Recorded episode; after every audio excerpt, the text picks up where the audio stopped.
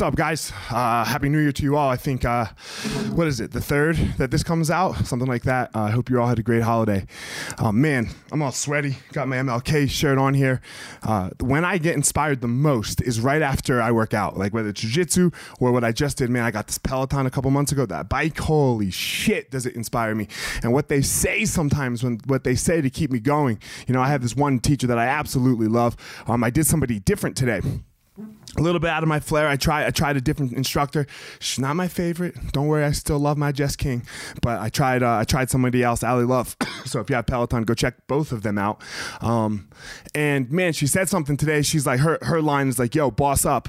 You know, like we're in the middle of these really hard intervals, and it was like the seventh or eighth one, maybe the tenth. So right in the middle, you know, and like it, it's that point when you're right about to be like, "Oh fuck, okay, I'm gonna I'm gonna dial this back a little bit." And she goes, "Hey, boss up," and, and she and she looks at the screen. She goes, "Hey, every, everybody can do it once."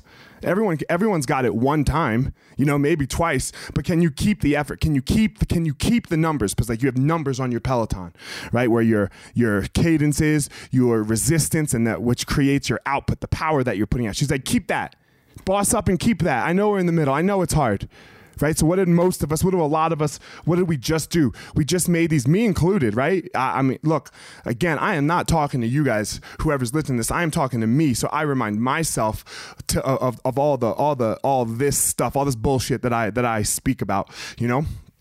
Hey, boss up, motherfucker. It's easy to do it on January 1st, January 2nd, January 3rd. Check in on February 1st, March 1st, April 1st, right? Are you still bossing up? Are you still being the best you can be? Are you still hitting the numbers, hitting the numbers on the on the bike, either hitting them or exceeding them, whatever it was? Fuck the bike. Fuck the bike, man. Bike doesn't matter.